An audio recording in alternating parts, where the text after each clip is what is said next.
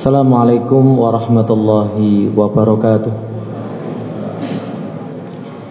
Innal hamdalillah nahmaduhu wa nasta'inuhu wa nastaghfiruh wa na'udzu billahi min sururi anfusina wa sayyiati a'malina.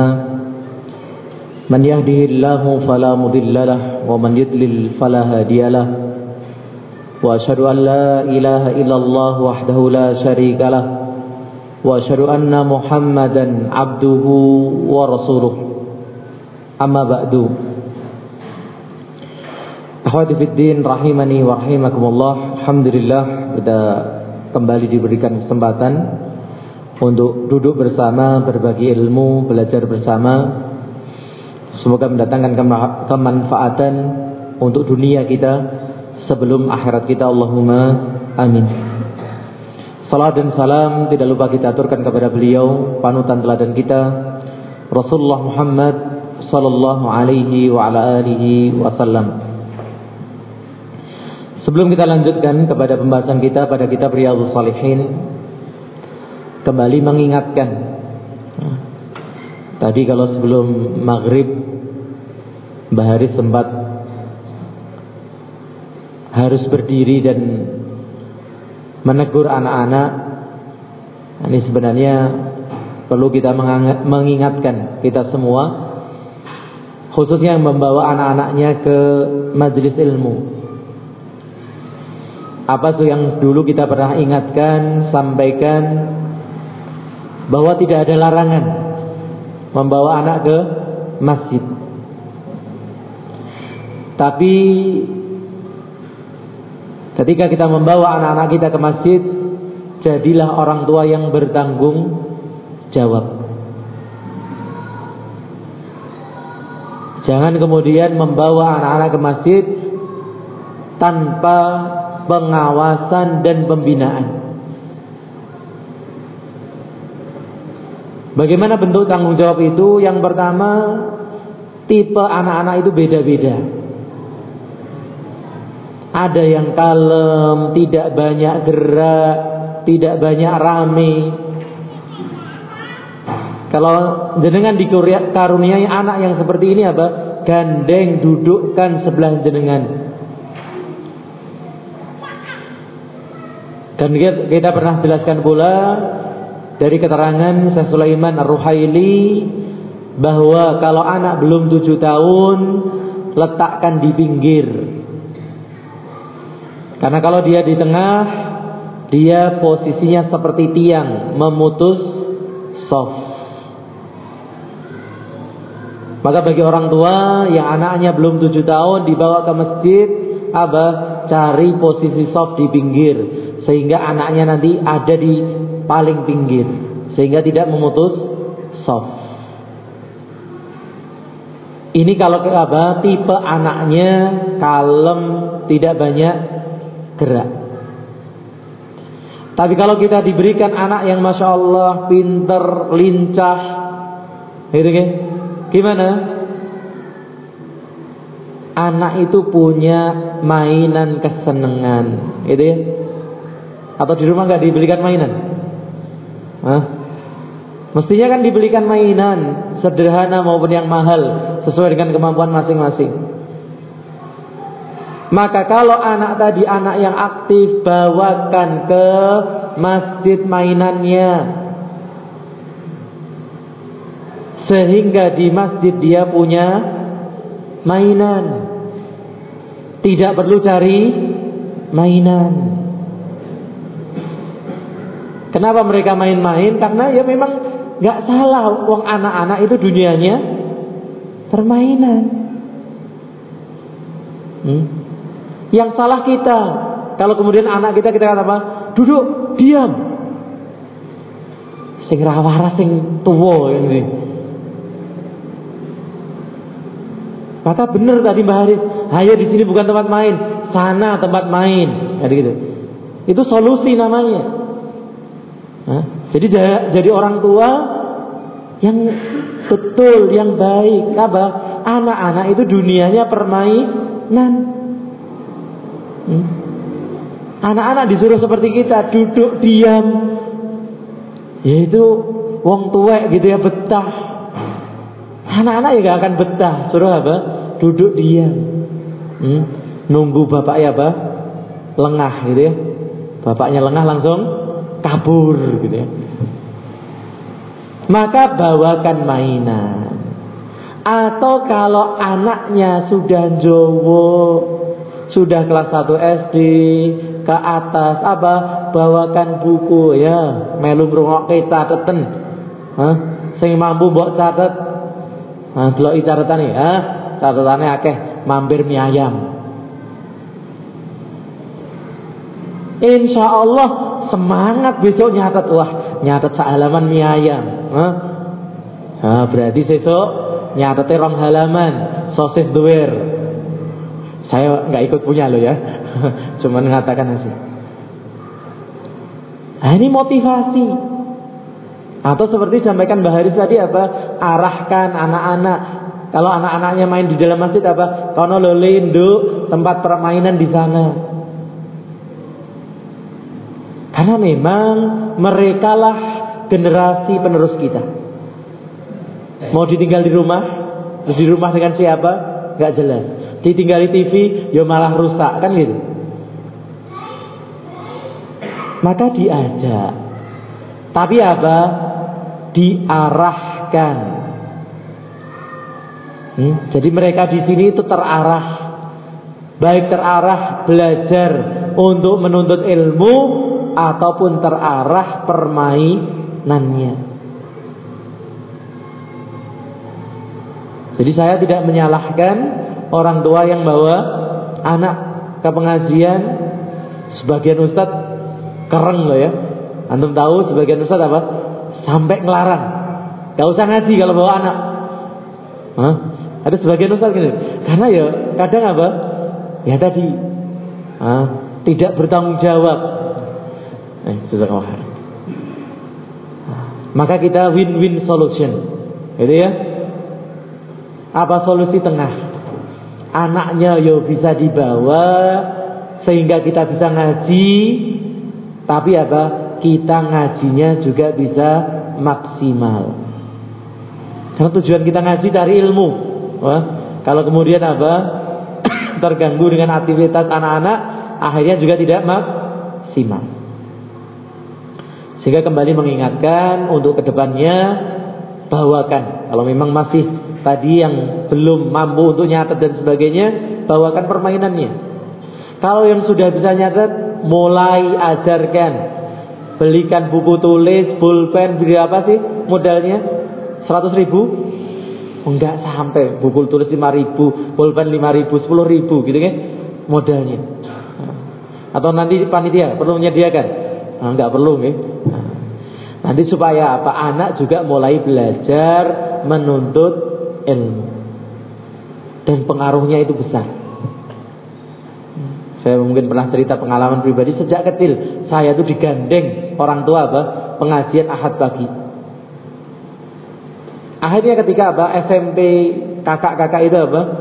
Ngadakan pengajian ahad pagi juga diajak itu ya ringan saja. Kenapa? Karena sudah terbiasa. Bisa itu karena terpaksa. iya, ini sering kali memang bisa itu karena dipak, dipaksa. Ya, anak-anak. Tapi tadi, tadi apa? Reward and punishment.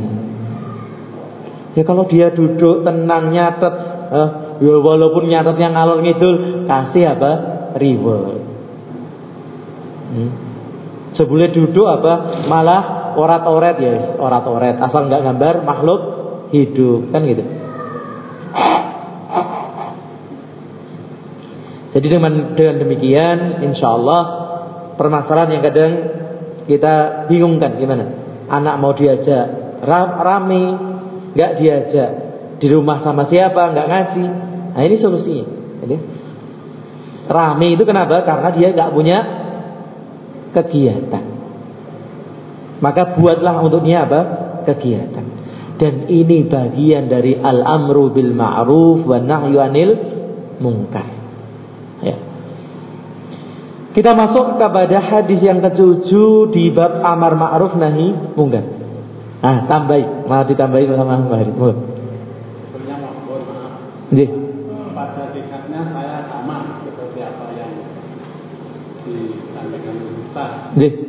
Ya mudah-mudahan minggu depan bisa terrealisasi. Amin, amin. Dan kita sayangkan orang mau jamaah di sini tidak mau karena rame. Ah. Masjid yang lain ada. Iya. Termasuk kalau saya ingin cuma Nina, Nggih. rame. Kalau saya tanya masjid yang lain ada betul nanti. Nggih. Nggih. Maka saya punya solusi. Solusinya kalau nanti beberapa hari ini nanti tidak ada perubahan, saya bersedia untuk menyediakan satu ruangan Ustaz, Masya Allah. tempat bermain. Hmm. Nanti ada yang memandu, nanti dikasih pelajaran yang islami dan sebagainya, apakah berupa akuarium dan sebagainya, Iya. itu nanti menjelang maghrib sampai habis sisa. Nggih. Masya Allah. Kan saya punya inisiatif seperti itu Hmm. dan siap untuk mengadakan semuanya, Iya. cuma tenaganya yang saya belum siap. Iya. Nanti Ah. monggo dipersilakan. Masya Allah. Tidak ada hambatan Hmm. Masya Allah, Barakallahu. Jadi ini malah apa? Di ini sebenarnya yang perlu dipikirkan setiap orang yang bangun masjid ke depannya. Nah, masjid sebagai pusat aktivitas kaum muslimin tidak lepas dari anak-anak. Apa yang perlu dipikirkan? Children care. Nah, bahasa kerennya penitipan anak, gitu ya. Nah, jadi orang mau ngaji, mau sholat, ada tempat nitipkan apa? Anaknya. Kalau di beberapa tempat sudah ada seperti itu, bahkan apa berbayar. Wong Basuki mau biaya kan gitu. Misalnya tadi seperti disampaikan harus ada yang ngelola, yang ngelola ya mosok sukarelawan terus kan gitu. Nah, ya mestinya ada perlu kita sisihkan untuk dia dan sebagainya. Nah ini ke depannya semoga bisa terwujud. Tapi untuk sementara ini Alhamdulillah sudah ada fasilitas mainan dan sebagainya. Mungkin yang diper, perlu dipertimbangkan adalah ketika ada kerusakan dan sebagainya. Mungkin nanti panitia pengajian juga ikut berpikir, gitu ya. Jangan sampai nanti kalau rusak, sing dandani gur TK terus nanti ah, apa akhirnya digembok dan sebagainya nanti malah tidak baik. Matur suwun eh, apa Mbah Haris, jadi perhatiannya luar biasa, semoga menjadi amal jariah Mbah Haris sekeluarga. Hmm. Iya, di hadis yang ketujuh ini penulis Al-Imam An-Nawawi rahimahullah menyebutkan hadis yang sahih muttafaqun alaih. Satu keadaan yang dulu terjadi di zaman Rasulullah dan mungkin ini terjadi dan memang terjadi di zaman kita. Apa itu? Duduk-duduk di pinggir jalan. Yang sekarang ini malah jadi apa? Tren ngopi. Warung-warung kopi itu kan kebanyakan di mana? Trotoar kan gitu. Nah, sambil ngitung mobil yang lewat kan gitu. Maka ternyata di sana ada yang berkaitan dengan amar ma'ruf nahi mungkar. Apa itu? Diceritakan oleh Abu Sa'id Al-Khudri radhiyallahu anhu dari Nabi sallam, beliau mengatakan iyyakum wal julusa fitar fituruqati. Ini hukum asalnya. Jauhi oleh kalian duduk-duduk di jalan. Jadi hukum asal duduk di jalan itu apa? Makruh. Karena Rasulullah SAW memerintahkan itu apa? Menjauhi. Kenapa tidak haram? Karena nanti ternyata ada keringanan. Maka ketika ada larangan, kemudian yang diperingan, berarti larangan itu jatuhnya apa? Makruh. Perkara yang tidak disukai, perkara yang dibenci, perkara yang jika ditinggalkan berpahala, yang bila dikerjakan tidak sampai berdosa. Faqalu maka para sahabat atau sebagian sahabat tadi mengatakan ya Rasulullah malana min majlisina buddun Wahai Rasulullah kami ini harus mengadakan majlis kami Artinya kami harus atau terpaksa duduk di jalan. Kenapa? Natahaddatsu fiha.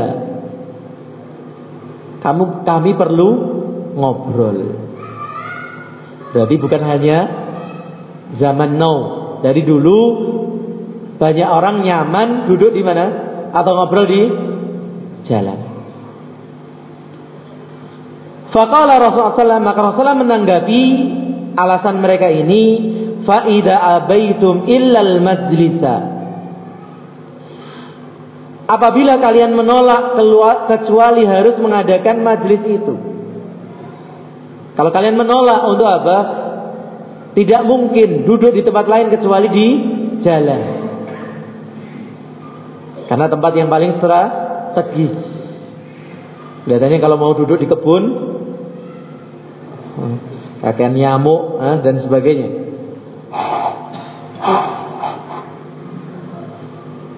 Apa solusinya? Nah inilah indahnya agama Islam. Setiap larangan itu ada solusinya. Islam nggak main pokoknya, pokoknya gak oleh. Hah? Ada Anda memberikan solu, solusi. Maka aturan-aturan Islam kita lihat demikian keadaannya. Apa solusinya? Fa'atut tariqa haqqahu. Kalau memang harus duduk di jalan, maka berikanlah apa? Jalan itu haknya. Jalan itu punya hak. Kewajiban orang yang duduk di pinggir jalan. Apa itu? Wa ma haqqut tariqi ya Rasulullah? Mereka mengatakan, apa itu haknya jalan? Apa kewajiban kami? Wahai Rasulullah, qala ghaddul basari.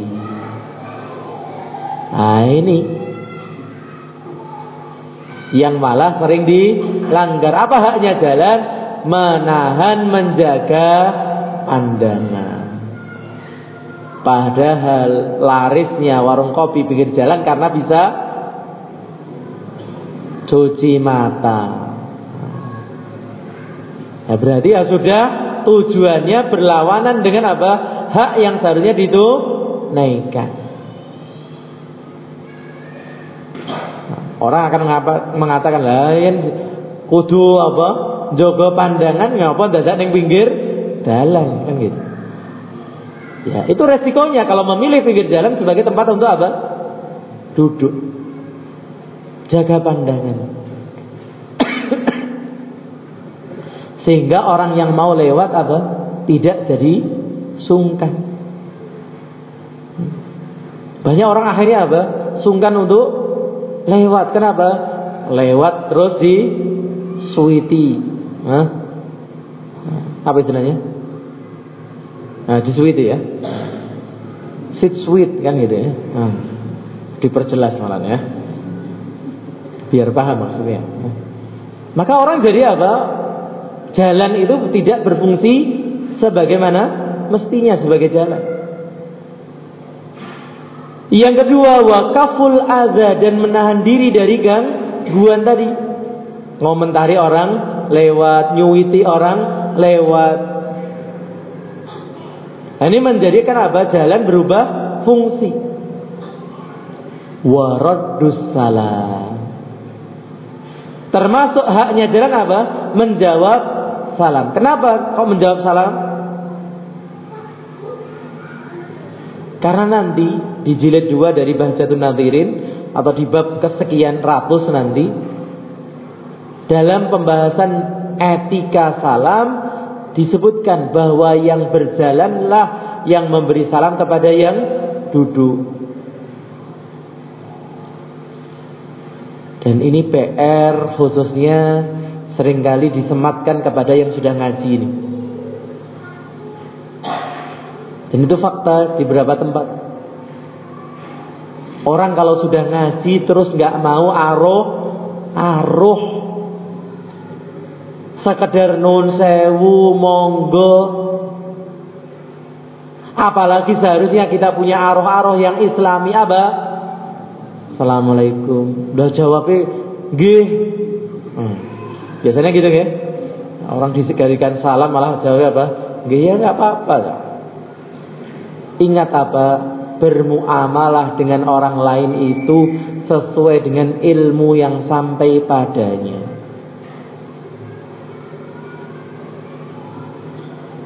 Ini di antara kekurang tepatan kita dalam bermuamalah dengan masyarakat, suka memuamalai masyarakat dengan ilmu yang sampai pada diri kita. Jadi dianggap masyarakat itu yo ya tahu sebagaimana kita tahu. Nah ini yang sering kali membuat kita apa? Jengkel, dongkol, akhirnya apa? Ada yang modelnya menghajar tetangganya, tanggone rasalah apa-apa, dihajar. Bukan dihajar ya. Lebih parah lagi kalau sampai dihajar. Maka subhanallah bermuamalah dengan orang lain sesuai dengan ilmu yang sampai kepada seperti anak-anak tadi gitu ya. Ilmunya anak-anak apa? Dolanan. Kalau buat tai diwedeni lungguh, lalu cetoti. Ya sing salah sing tua kan gitu. Berarti kita bermuamalah dengan orang lain dengan ilmu kita. Seakan anak-anak sudah orang tua yang harusnya nurut, meneng dan sebagainya. Enggak.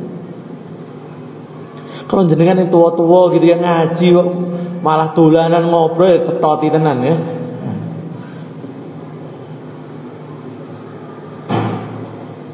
Maka balik tadi apa? Kalau kita lewat, mbok ya. Dan itu ada di sebuah kampung yang di sebelahnya ada sebuah pondok. Keluhan masyarakatnya ini.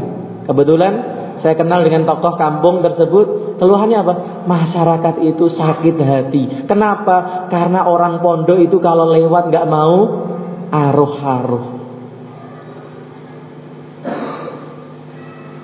Coba sampai terjadi kasus seperti ini.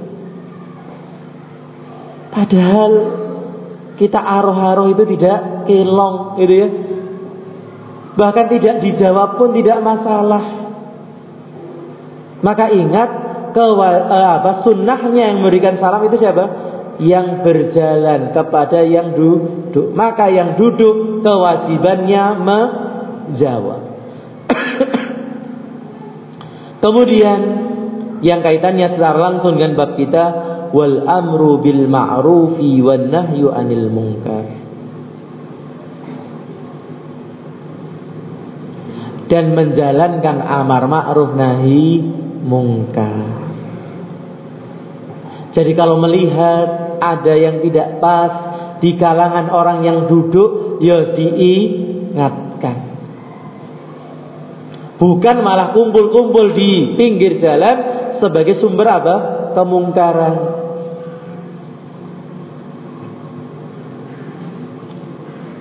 Nah, saya tidak tahu ini ya. Saya karena orang baru, jadi ini kalau malam minggu itu hanya jalan situ aja atau mana ya?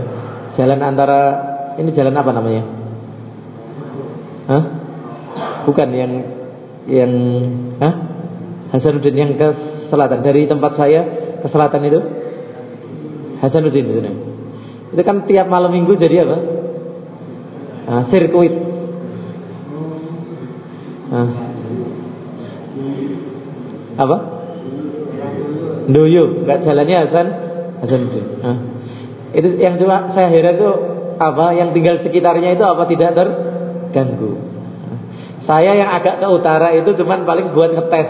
Kalau saya perkirakan itu buat ngetes apa motornya, blayer-blayer, ah, reng, sedelok gitu ya. Nah, itu saja masya Allah. Kadang kaget-kaget gitu ya. Nah itu yang jadikan sirkuit yang sebelah sana ya pas Alfamartnya ya. Nah itu ke selatan. Nah, itu contoh kalau jalan akhirnya malah jadi apa tempat mungkar. Hmm. Gak tahu Mas Indra. Nih Pak polisinya gimana itu? nah, wilayah hukumnya beda gitu ya. Iya, saya baru mau nge-tweet ke akunnya Polres Magetan ya. Tapi, Hah? Oh sering ya? Oh, Oh gitu nih. Masya Allah. Jadi dari kuat-kuatan gitu ya antara yang berma'amar ma'ruf nahi mungkar dengan yang menjalankannya. Eh. Ya alhamdulillah kalau memang apa Pak polisinya sudah uh, menjalankan karena uh, apa saya berangkat kajian subuh itu jadi berangkat dari sini jam 4 dari setengah 4 Masya Allah masih ada ini bocah-bocah itu turu jam biro gitu ya? Uh, jadi luar biasa. Maka seharusnya kalau memang orang duduk di jalan apa? Ya kalau ada kemungkaran diingatkan. Nah itulah apa? Bentuk amar ma'ruf di nahi mungkar. Di mana saja, kapan saja, tidak mengenal apa? Batas waktu, tempat. Nah, ini semangat dalam beramar ma'ruf nahi mungkar. Kemudian hadis berikutnya yang kedelapan. Di hadis ini kita akan belajar tentang arti kata hikmah. Apa itu hikmah?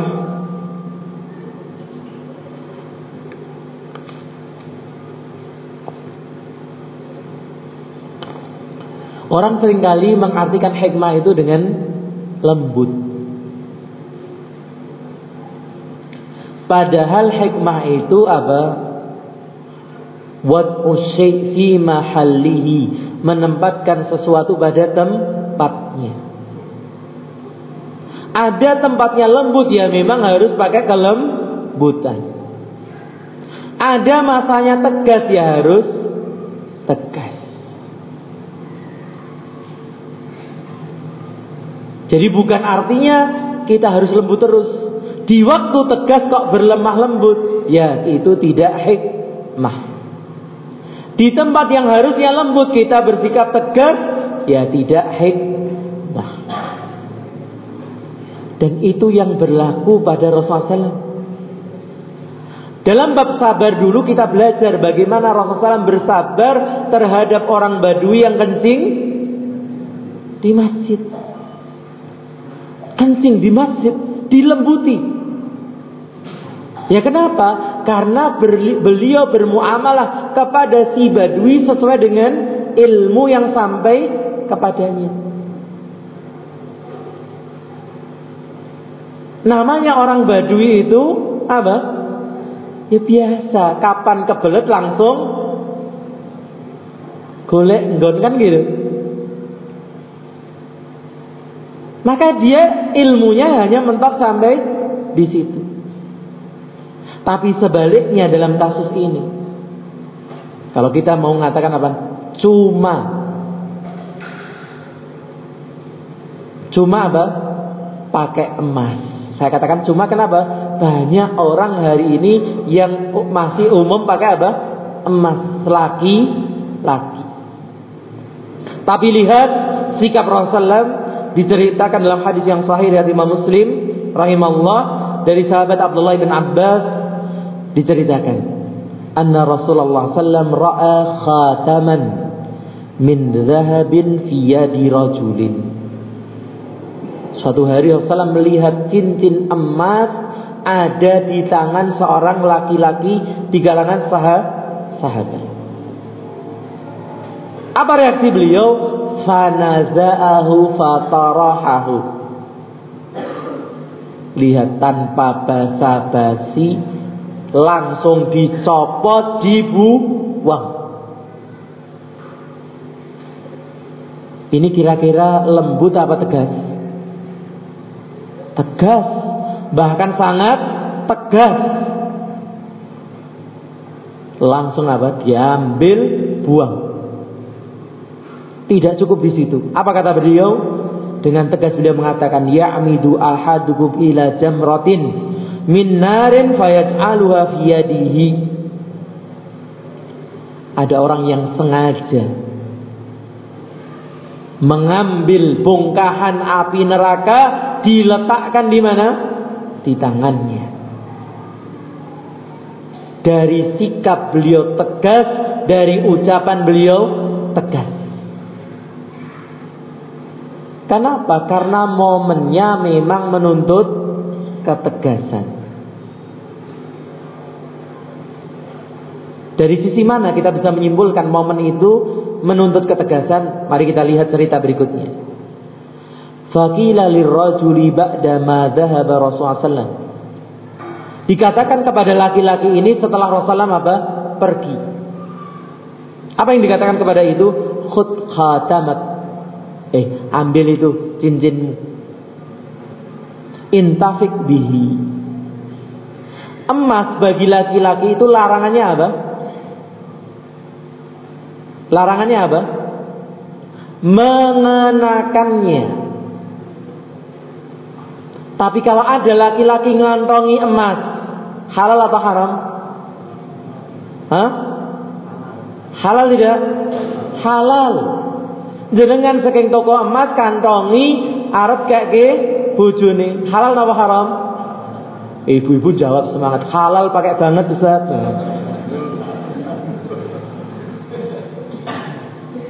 Tidak masalah. Begitu ya. Haramnya itu kalau jenengan jadikan cincin, gelang, kalung, jam tangan dan semisalnya. Tapi kalau disimpan sebagai tabungan, dijual, sing dodol toko emas, gitu ya. Halal atau haram? Halal. Maka orang lain tadi apa mengatakan, eh, ambil itu, ambil manfaatnya, didol atau dikasihkan orang. Tapi lihat apa respon laki-laki tadi. Qala la. Wallahi la akhudu abadan. Wa tarahahu Rasulullah sallallahu Inilah yang menyebabkan Rasulullah SAW bersikap sama orang bersikap tegas sama orang ini. Seperti apa sih kualitas orang ini? Dia mengatakan enggak, demi Allah itu enggak akan ngambil. Kira-kira kalau itu kita gimana? Eman eman ya. Sak gram mangatus sewu. Cincin, cincinnya orang waktu itu. Cincinnya orang sekarang ada apa? Gede-gede gitu ya. Lagi-lagi itu. Hai ini paling enggak 10 gram. 5 juta. Eman-eman apa betul? Banget kan gitu. Tapi orang ini mengatakan bahwa demi Allah nggak akan sampai ambil. Kenapa? Barang yang sudah dibuang oleh Rasulullah. Saya nggak pengen ngambil. Itu menunjukkan kualitas cintanya kepada Rasulullah. Menunjukkan kualitas ilmunya, menunjukkan kualitas imannya. Maka tidak heran Rasulullah SAW bersikapnya tegas. Kenapa tahu? Gak akan baper orang ini. Karena ilmunya memang ilmunya sudah kuat. Disikapi tegas gak akan meleot.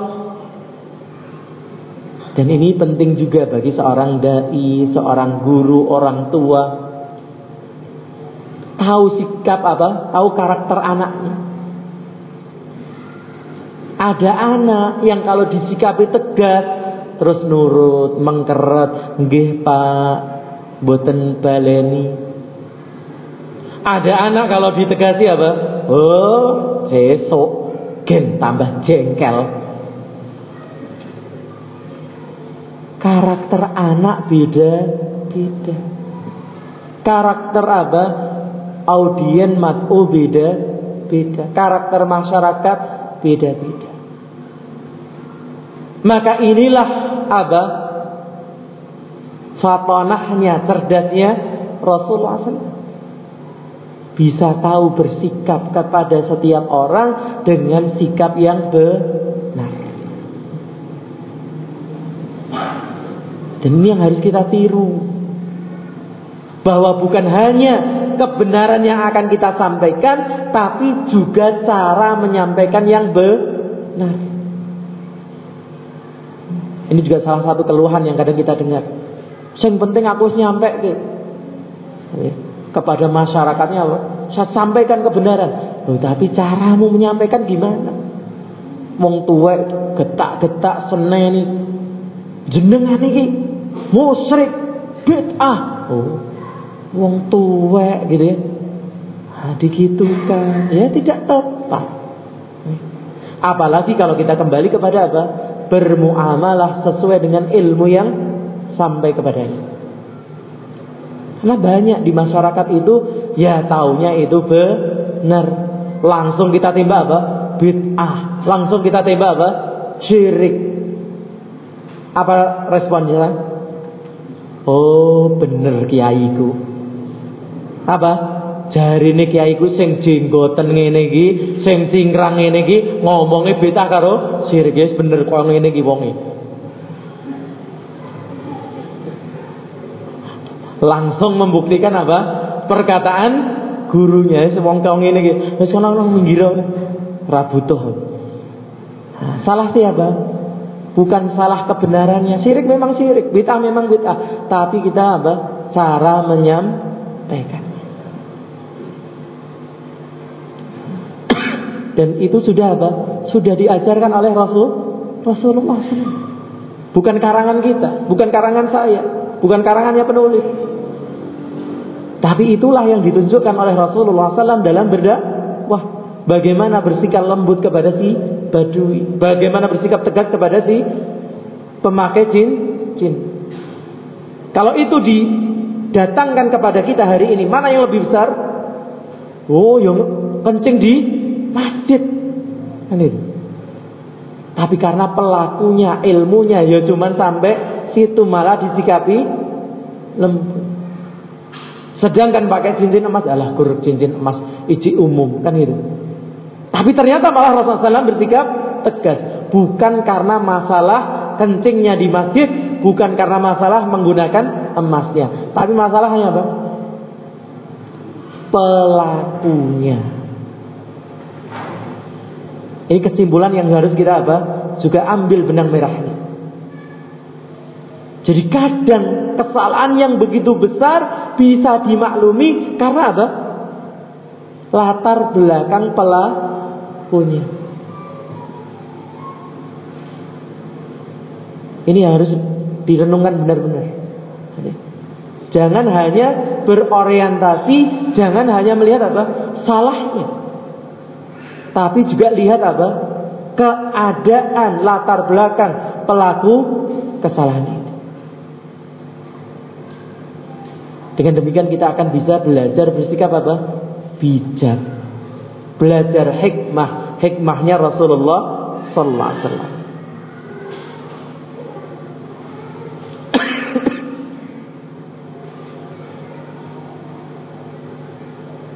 Azan Isya.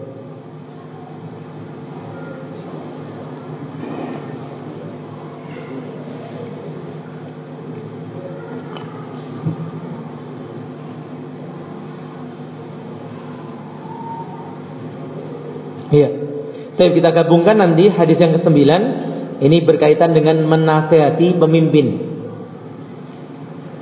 Gitu ya. Itu nanti ada hubungannya dengan beberapa hadis berikutnya ketika orang ingin memberikan koreksi kepada siapa? Pemimpinnya. Tentang cara, tentang etika yang kita akan belajar dari kisah berikutnya. Nih. Silakan kalau mungkin ada koreksi, tambahan atau pertanyaan. Mungkin ada sedikit waktu tersisa.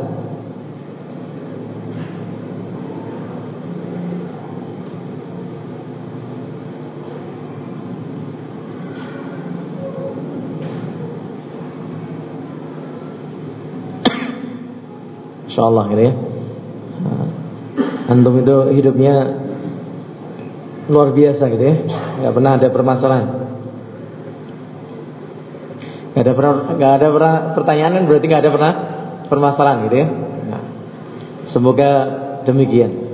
Allah taala alam kita cukupkan semoga bermanfaat kurang lebihnya saya mohon maaf sekali lagi menegaskan tentang apa tadi bagaimana kita membawa anak-anak kita nah, semoga di pekan-pekan depan lebih baik dalam mengarahkan anak-anaknya Nah, sehingga semakin maksimal kan maksimal ya kalau tenang seperti ini.